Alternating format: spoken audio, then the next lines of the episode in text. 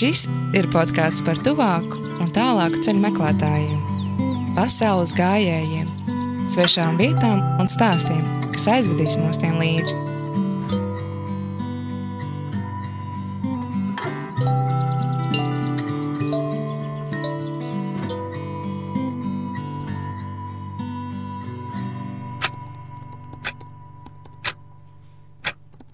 Pirms devos Pacific Crest Trail pārgājienā, es biju divus gadus nostrādājis no mājām kā programmētāja. Tā kā bija ziema, vienmēr iekurināja krāsniņu un kā rituālu ik rītu dzēru karstu jasmīnu tēju. Man lielākais prieks bija gatavot krāsainas, barojošas un veselīgas maltītes, un mans sports bieži vien aprobežojās ar iziešanu pastaigā ar sunu vēju. Dzīvoju pilnīgi normālu Covid-ēras dzīvi Rīgā.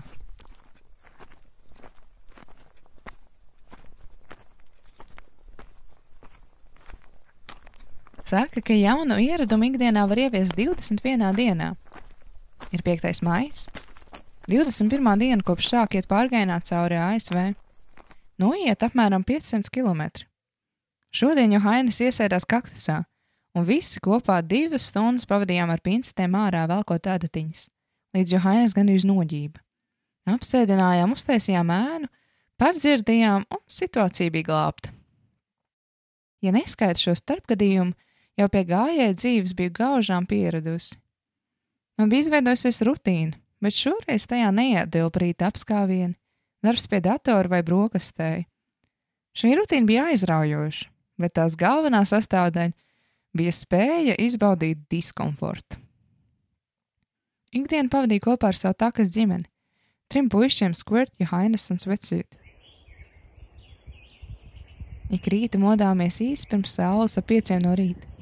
Gaismai austot, pamazām pamodas arī dzīvība apkārt.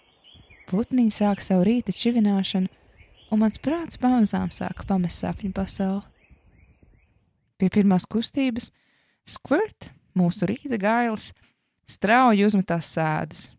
Tas bija mūsu modinātājs un zīme, ka laiks brokastīm. Aizstiepāmies pie saviem ēdienu maisiem, ievērām auzu putras maisījumu savos katliņos un aplējām ar augstu ūdeni. Mēs neiznākojām laiku karstai brokastu kafijai vai putrai. Šajā pasaulē efektivitāte bija patiesais komforts. Ar pirmo maltīti vēdā vienojāmies, kur tiekamies pusdienas laikā. Sakrāmējām mantas un viens pēc otra pamazām sākām pamest nometni. Un tad mēs gājām. Lielākoties katrs savā tempā, nevis kopā kā grupiņa. Ceļš Dienvidkalifornijā nebija smags. Tas joprojām dienā vijās pāri kalniem un ielām, tomēr kalni bija lēzani, ar stabilu segumu, bez lieliem akmeņiem vai citiem šķēršļiem. Pasaule man apkārt bija tērpta smilšu krāsā, ar maziem zilu, dzeltenu un rozā ziedu leķīšiem. Ziedēja kaktus un trīsmetrīgās jukas augi. Uz ceļa skraida leķi irzaks, un ik pa laikam pavērās skats uz milzīgo tukšaino plašumu, līdz pašam horizontam. Es biju pārsteigta, cik daudzveidīgs un skaists bija šis savvaļas nostūris. Bet saule, ah! Es nekad mūžā nebiju piedzīvojis tik intensīvu un dedzinošu sauli. Tā nebija Latvijas saule, kas tevi silda un iepriecina. Pusdienas laikā tā kā giljotīna karājās uz gājēju galvām dodot tikai vienu izvēli, kā pavadīt dienas vidu. Siestā! Ikdienas īstā balīte notika pie vienīgā strautiņa, kur krūmu, ratu koku vai akmeņa ēnā bija sagulušies desmitiem gājēju. Paveicās ar dienām, ka šis vienīgais strautiņš atradās mazā prieža mežģiņā, kur vietas pietika visiem, un vēl vairāk paveicās, kad šajās siesta vietās gadījās arī kāds trēliņš ar gardumiem un jautriem stāstiem. Tad siesta ievilkās līdz pat vakaram. Citas dienas koku apkārt nebija, bet tie bija zaudējuši savus vainagus kādā no iepriekšējā gada ugunskrākiem. Tad nekas cits neatlika kā ciest karstumu un iet uz priekšu. Kad saule jau slīdēja lejup un mūsu siesta bija galā, Atlika sapurināt savus atlāpušos muskuļus, uzlikt pats uz smago somu un saulrieti pavadītiem soļot, līdz nonācām nometnē. Sasēdušies uz zemes, mēs sākām gatavot. Parasti tas aizņem ne vairāk kā desmit minūtes. Uzvārīt ūdeni, apliet sauso maltīti un gaidīt. Manas vakariņas visbiežāk bija rīsa ar kaltētiem dārziņiem, citreiz nūdeles ar zemesriekstu sviestu un čilīmēts. Nekas izcils, bet pēc garas dienas nekad nesūdzējos par ēdienu. Nemainīgi kā jebkurā citā pārgājienā, arī šeit vien tas, ka vakariņoja esot dabiņā, ēdienam lika garšot kā augstas klases restorānā.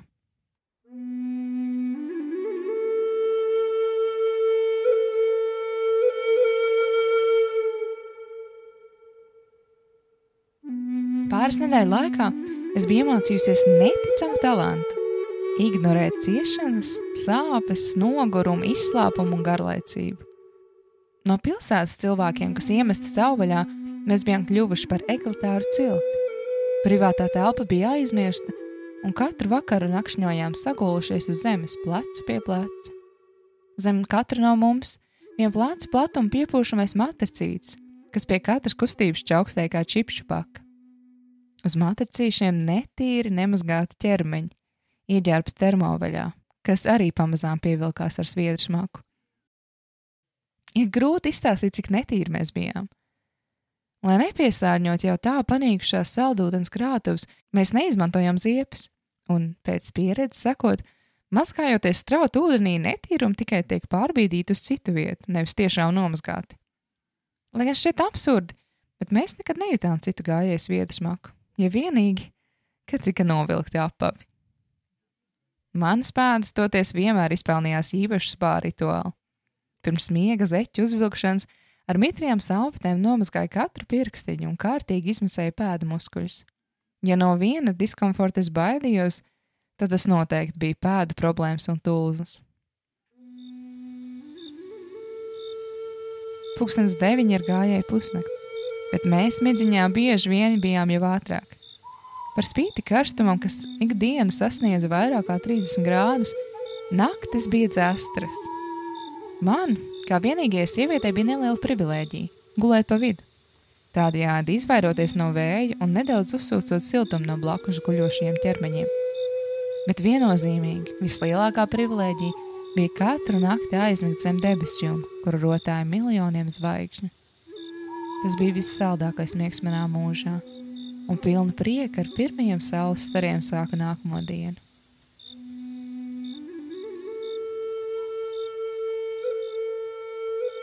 Diena pēc dienas pagāja šādā rutīnā. Nemanām paslīdēja garām 500, 700 un 900 km atzīmes, līdz bijām nonākuši Mohavis tūkstneša malā. Mēs sēdējām zem vienīgā koka, amizantā vesternu filmas butaforijas pilsētiņā Haikertown. Šonakt būs pilnmēnesis, un ne tāds parastais, bet tumšs sarkanais, asiņainis.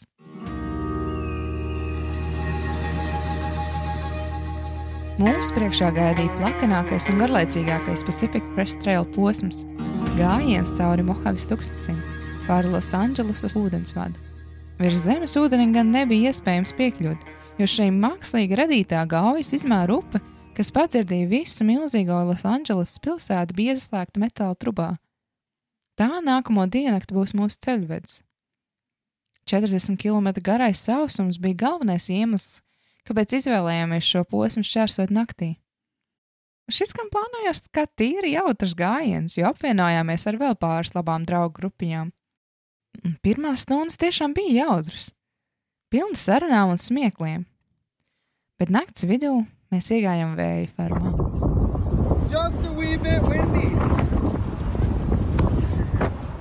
Mūsu nogurušos prāts ar dunošu skaņu un ēnām, kas tev skrien pakaļ, hipnotizēja milzīgie vēja ģeneratoru spārni.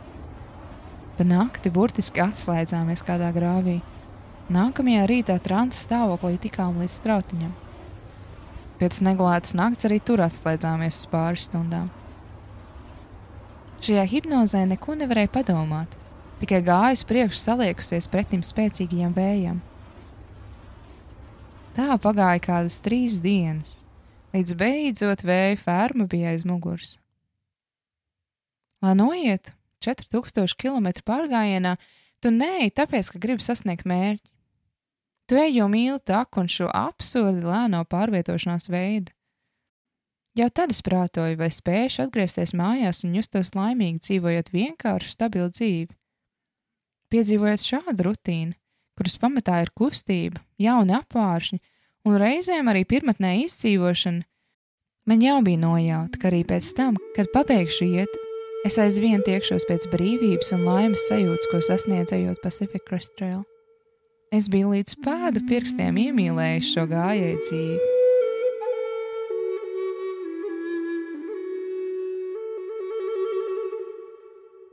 Ar tādu domu un savu veidu nostalģiju par pirmiem tūkstošiem kilometriem sasniedz ceļu, kas aizvest līdz Kennedy Meadows. Māju vietu 200 cilvēkiem, vienam veikalam un oficiālo noslēgumu pirmajai PCD sadaļai.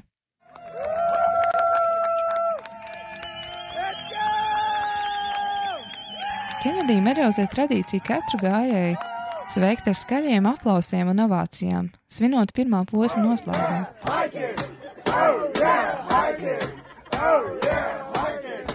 Ar maniem puišiem vienojāmies palikt šeit pāris dienas, lai kārtīgi pēstu, atpūstos un sakārtot jaunu ekipējumu, cepures, cimdus, lāču bunču, kurā ieslēgt ēdienu, kamēr nakšņojam kalnos, un dzelgšņus, kas ļautu iet pa ledu un sniegu. Tā kā nākamajā posmā Sierra Nevada kalnu masīvā kalni bija krietni augstāki, upes dziļākas un krāšņākas, un kopējā taka sarežģītāka, Vienojāmies, ka šajā posmā tiešām viens otru pieskatīsim, lai nesanāk negadījumi. Tajā pat laikā, pēc noietiem tūkstotis kilometriem, es sirdī biju nonākusi pie domas, ka pati es esmu pietiekami spēcīga un patstāvīga, lai tiktu galā ar visu, ko taka man izmet priekšā. Viss, kas man tiešām ir vajadzīgs, ir ticība saviem spēkiem. Pēc pāris dienām man bija iespēja šo teoriju pārbaudīt dzīvēm kāpjot ASV otrajā augstākajā kalnā, 4,5 km augstajā Vitnī kalnā. Diena iesākās pavisam mierīgi ar gājienu līdz nometnē kalnu pakājai, kur atstājām telts un lieko ekipējumu. Tad kādu stundu mēģinājām iekārt kokā visu pārtiku, lai lāči un mazie lāči, jeb peles un grauzēji, netiktu tai klāt. Un tāda sākās kāpiens. No visām pusēm bija ieskauts granīta klintīs, kuras rotāja pēdējās sniega paliekas. Izkusušie ledāji bija izveidojuši divus ezerus, kurus joprojām pārklāja leduskārta. Gāja ar vien augstāk un augstāk. Vienā takas malā stāv siena, otrā kritiens simts metru garumā. Es kustējos daudz lēnāk man puiši. Manas sirds skaļi un spēcīgi daudzījās un kāpjot ar vien augstāk sāka parādīties arī pirmās augstnums slimības pazīmes - galvas sāpes un grūtības dziļi elpot.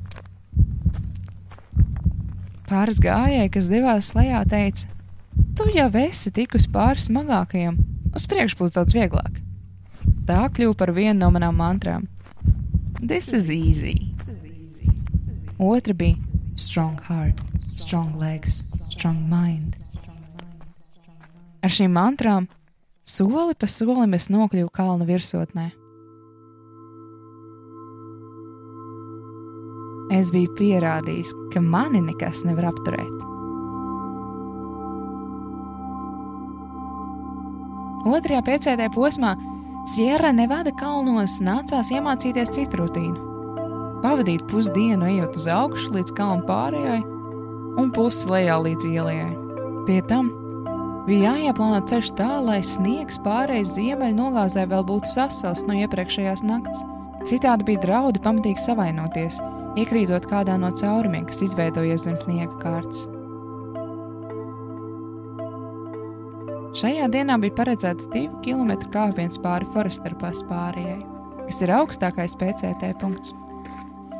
Soli pa solim, ar daudz attēlpas pauzēm un pamatīgu sevis motivēšanu, Es uzkāpu arī šajā takas virsotnē. Vieni vienīgi granīta kalni. Otru pus pārējiem mums sagaidīja sniegs. Kā bērni vietējā kalniņā sākām slidināties uz leju, līdz nonācām līdz posmam, kur sniega sagai cauri sāk rēgoties akmens bluķi. Tajā brīdī mēģināju piecelties un kāja līdz gurnam iebruka sniegā, kamēr es ar inerci kritu uz priekšu. Pavisam nedaudz un būtu salauzus savu nelaimīgo celi.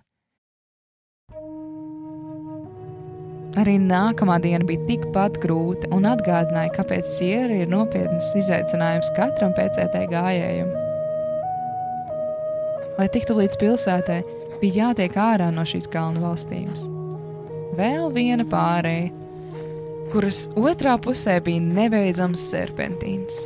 No augšas varēja redzēt stāvvietu, kas bija mūsu mērķis, bet, lai līdz tai nonāktu, bija divas stundas jāiet lejā pa akmeņaino segumu un mans cels nebija pārstājis sāpēt pēdējās divas dienas. Ar katru soli palika tikai sliktāk. Mēģināju to pataupīt, sāku iet uz pirsgalu, kā rezultātā man sāka sāpēt arī pēda. Draugi jau sen vairs nebija redzami, un es nemaz necerēju, ka kāds man sagaidīs. Viss, par ko es spēju domāt, bija stāvvieta pārējais nogāzē. Kad beidzot tur nonāca, jutos kā transā. Un tad es ieraudzīju, ka Squirt joprojām mani gaida un ir sarunājis transportu tālāk. Lai gan parasti mašīnās esmu ļoti runātīga, visu braucienu laikā nebija ne vārda, līdz šis svešinieks mūs aizveda līdz pirmajam benzīntākam un tālāk devās pretējā virzienā. Izsalkus iegāja iekšā. Bija jocīgi pēc septiņām dienām sauvēs atrasties spožajās civilizācijas gaismās. Biju tik ļoti pieradusi piekdienas kalnos, ka pilsētas ritms un trokšņi man likās gaužām nedabiski. Tukši maldījos apkārt, skatoties uz krāsainajām etiķēm, kad man uzrunāja divi vecāki vīri. No kurienes tu esi? Viņi man jautāja. No kalniem. Tā bija vienīgā atbilde, ko manas smadzenes tajā brīdī spēja radīt. Savāds domas un turpināja: No Latvijas, tā ir maza valstiņa Eiropā. To dzirdējuši vīri sāka man jautāt par politiku, Ukrainā notiekošo karu. Pastāstīja, cik zināja. Man ir tāds noteikums. Ja ar kādu runāju vismaz 5 minūtes, tas ir pietiekami labs iemesls, lai prasītu, vai gadījumā nebrauc līdz pilsētai un nevar paķert stopētājus. Vīrs skumjā balsī atbildēja, ka patiesībā dodas pretējā virzienā.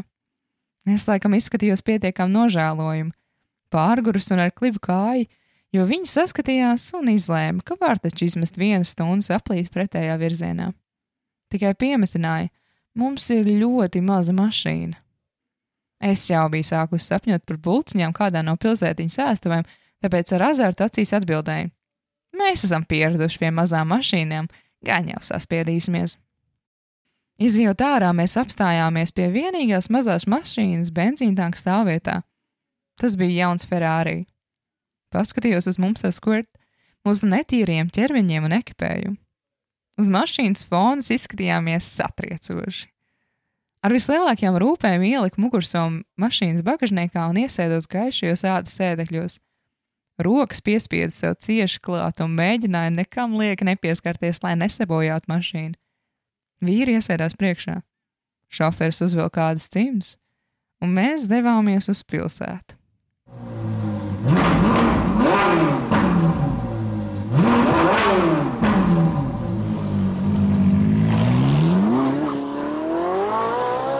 Izrādās, kad es sasniedzu savu spēku robežu, tad atliek vien cerēt uz veiksmi.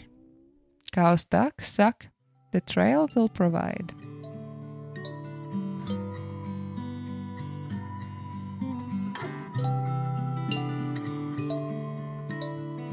Šis bija trešais stāsts no manas 2022. gada vasaras piedzīvojuma, ejot Pacific Crest Trail, taku, kas ved cauri ASV no Meksikas robežas līdz Kanādai.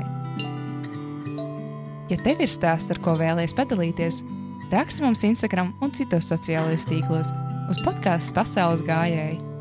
Ievadu mūzikas sarakstījis un izpilda Reins Mačelāns no grupas nometne.